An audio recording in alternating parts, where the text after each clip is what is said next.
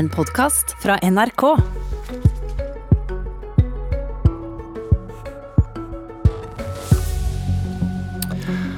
Han som sitter koronatrygge to meter foran meg nå, han vil mye.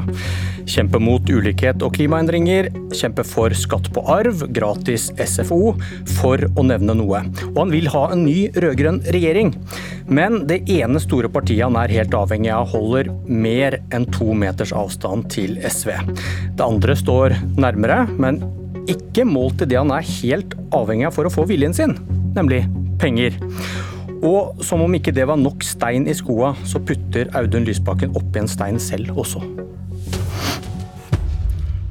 Velkommen til Politisk kvarter, SV-leder Audun Lysbakken. Tusen takk. Du skal snart reise til Hamar. Du har med deg kofferten, så jeg her. Dere drar dit for å avvikle et digitalt landsmøte som åpner i morgen. Kan vel stille spørsmål om det er en unødvendig reise, som det heter i disse dager? Nei, Vi har eh, sjekket det grundig, og det går som en eh, nødvendig reise å få på plass et program som folk kan stemme på til høsten. Det er bra og nødvendig å ha valg i det landet her. Ja, Velkommen til Hamar. Eh, du, du, du snakker mye om pandemiens alvorlige konsekvenser for de svakeste. Arbeidsledigheten øker, du mener dette forsterker ulikhetene i samfunnet. Og vi går inn i en valgkamp midt i den største krisen for Norge siden krigen. Hvorfor er ikke beredskap en av hovedsakene for SV?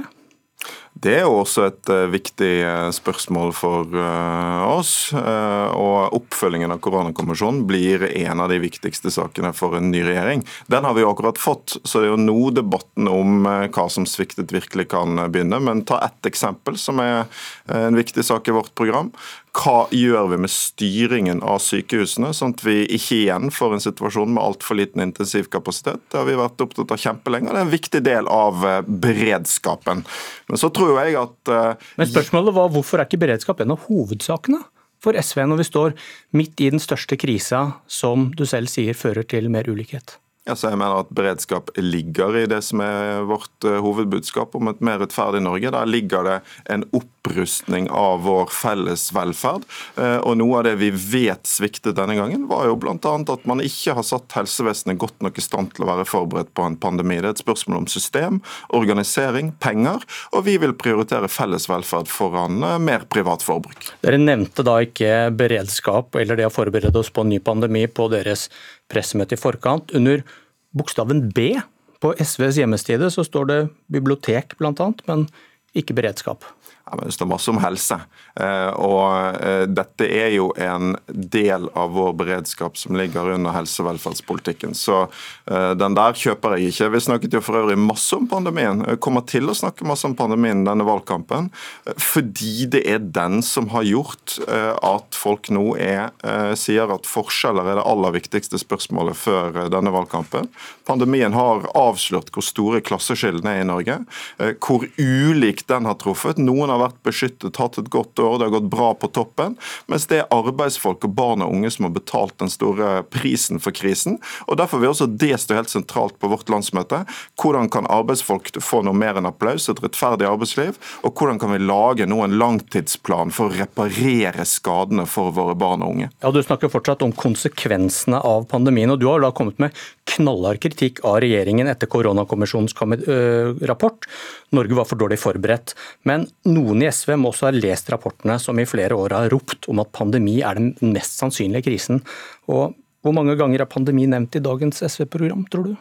Jeg tror ingen politiske partier lister opp alle eh, trusler eh, som finnes, for det er ikke en eh, trusselutredning. Vi lager et politisk program. dere nevner politiske... terror, dere nevner naturkatastrofer, men det står ingenting om pandemi eller noe som, eh, noe som ligner. og Da lurer jeg på hvor du finner selvtilliten til å kritisere så hardt når alt tyder på at Norge hadde vært like dårlig forberedt hvis SV styrte? Nei, Det er helt feil. fordi Den selvtilliten finner jeg i at vi i flere år har tatt til orde mot det kortsiktige markedsbaserte finansieringssystemet i helsevesenet vårt, som vi vet er en viktig del eh, av grunnen til at vi hadde for lav intensivkapasitet. Vi har advart regjeringen mot blinde ABE-kutt, ostehøvelkutt i helsevesenet, som har gått utover sykehusene.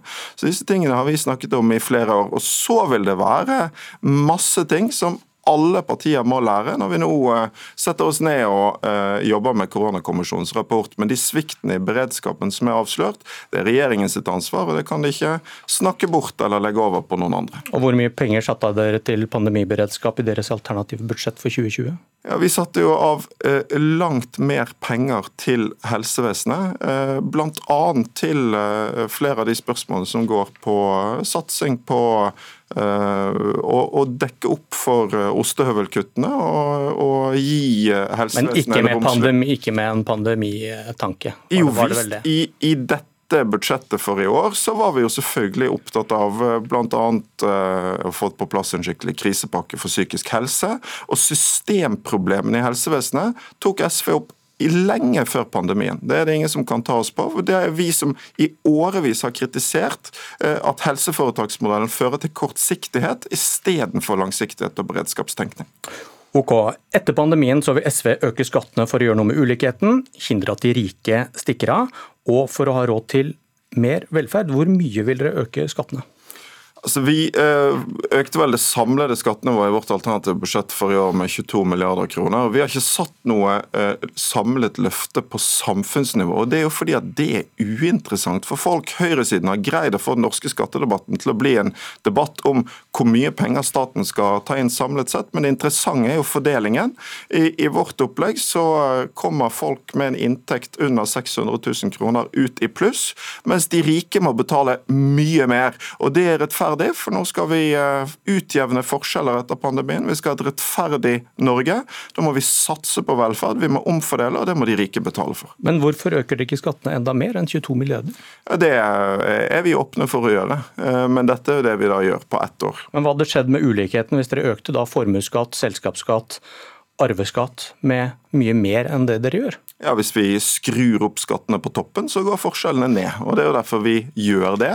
Eh, og gjør det helt klart at overklassen i Norge de må forberede seg på noe etter at de har hatt skattefest under Erna Solberg, etter at de har kommet best ut av kriseåret, det har gått så det griner på børsen, så må de forberede seg på å stramme livreimen hvis vi får makt. Ok, Åpning for mer enn 22 milliarder. SV etterlyser dokumentasjon på at skattelette fører til flere arbeidsplasser, som Høyre påstår. Men kan du dokumentere når økte skatter ødelegger for det å skape arbeidsplasser? Altså, det er en, sånn teoretisk eh, diskusjon. Veldig... Ja, det er vel det andre som du krever dokumentasjon på, da? Nei, men, nei, det er det jo ikke. fordi Regjeringen har jo, regjeringen har jo påstått uh, at hvis de senket formuesskatten, så ville det ha en positiv sysselsettingseffekt. og Så bestilte de en rapport som vel egentlig viste det motsatte. altså Den viste at hvis du skrur den uh, opp, så kan det ha positiv effekt. Men vi, sånn, vi er veldig langt unna det punktet i Norge hvor skattene blir så høye at det ødelegger for næringslivet. Hvor er det punktet? Altså hvis, hvis, du sammenligner med andre europeiske land, så er det jo ikke sånn at Norge er på skattetoppen. Er... Ja, hvor, hvor, er det punktet? Det må være interessant å finne for noen som sier at kutt i skatt er kutt i velferd. og da må man jo være interessert i å finne hvor langt kan vi dra det? Hvor mye velferd kan vi få? Kan vi øke skattene med 40 milliarder uten at det går på bekostning av næringslivet? Altså, akkurat hvor det punktet er for ulike skatter, det er jo en sånn diskusjon som eh, fagøkonomer eh, elsker å holde på med. Det er en veldig teoretisk diskusjon. De skatteøkningene vi snakker om å gjennomføre, vil ikke berøre den problemstillingen i det hele tatt. Det Hvordan vet du det? Hva er det faglige grunnlaget for at dere ender der dere gjør? Av de erfaringene vi har i Norge. Altså, Norge hadde i en tid med et mye høyere skattenivå enn i dag, utviklet vi en av verdens mest produktive økonomier. Det har vært et stort feilgrep å senke fellesskapets inntekter så mye som det ulike høyreregjeringer har gjort, fordi det har gjort at vi kan investere mindre i felles velferd, mindre i næringsutvikling, mindre i det vi tjener penger på, mens veldig mye av skattelettene til overklassen de går til uproduktive investeringer i eh, aksjer, eiendom og luksus. Ok, du trenger penger. Eh, dere vil bruke 5,4 milliarder på gratis skolefritidsordning, har vi hørt denne uken. SV vil ha en tannhelsereform, bygge intercity på jernbanen, lyntog, for å nevne noe. Så skal ikke alt dette tas med en gang, det er vi jo klar over. Men Arbeiderpartiet vil kun øke skattene med 7 milliarder kroner totalt. Dette er et regnestykke som raskt ikke går opp. Det er, det er, helt åpenbart at det regnestykket ikke går opp hvis du skal legge Arbeiderpartiet sin skattepolitikk til grunn. og Det er derfor eh, vi ikke gjør det. Eh, Arbeiderpartiet sin skattepolitikk er altfor puslete. Eh, og jeg tror at hvis, sant, Får vi en rød-grønn regjering etter dette valget, så vil folk ha ordentlig forandring.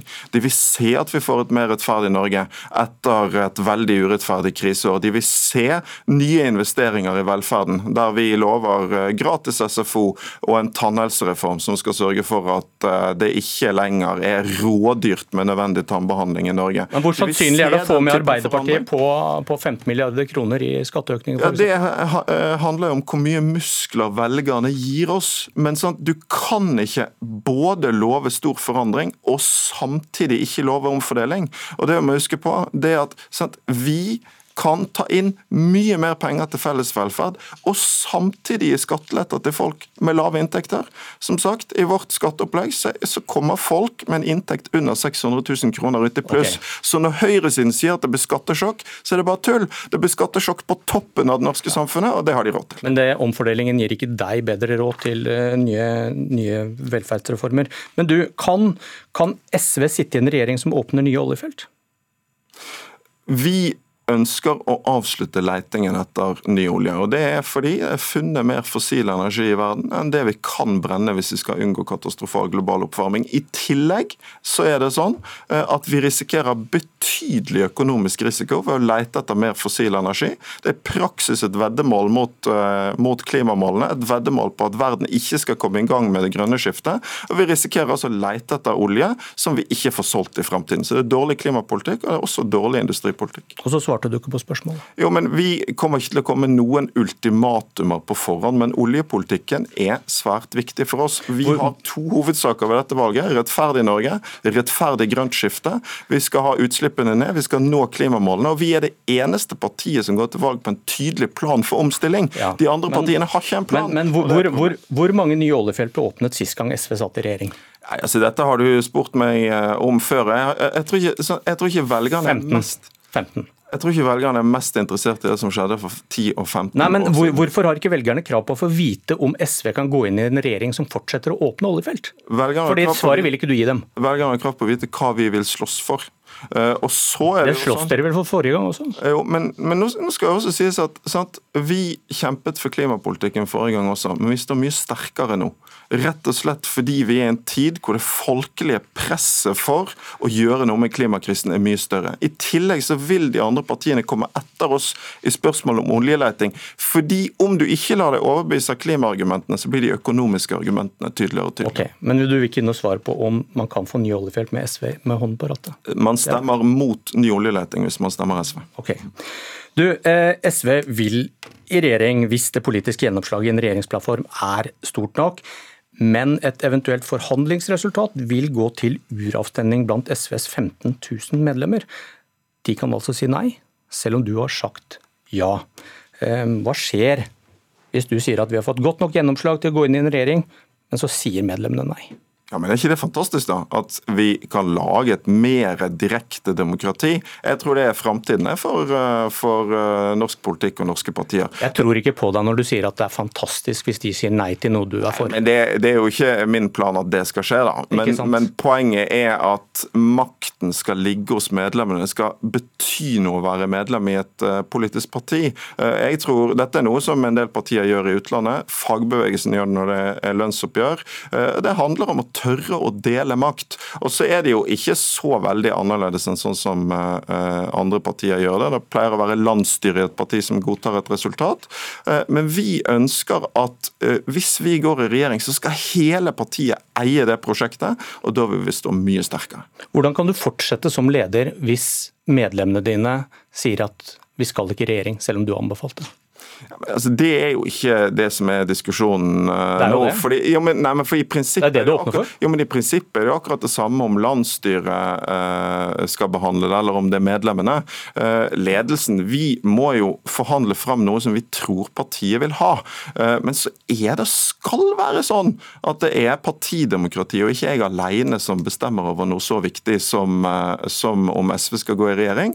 Og så må det jo være opp til meg og ledelsen å kjenne partiet vårt så godt godt at vi legger fram noe som er godt nok til at eh, medlemmene våre vil ha det. Og vi vet hva vi vil ha. Vi vil ha et mer rettferdig Norge, vi vil ha et rettferdig grønt skifte.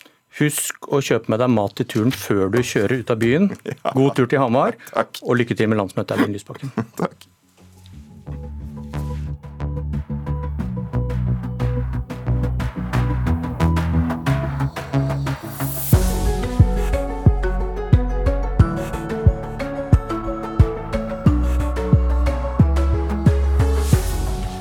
Har hørt en podkast fra NRK. Hør flere podkaster og din NRK-kanal i appen NRK Radio.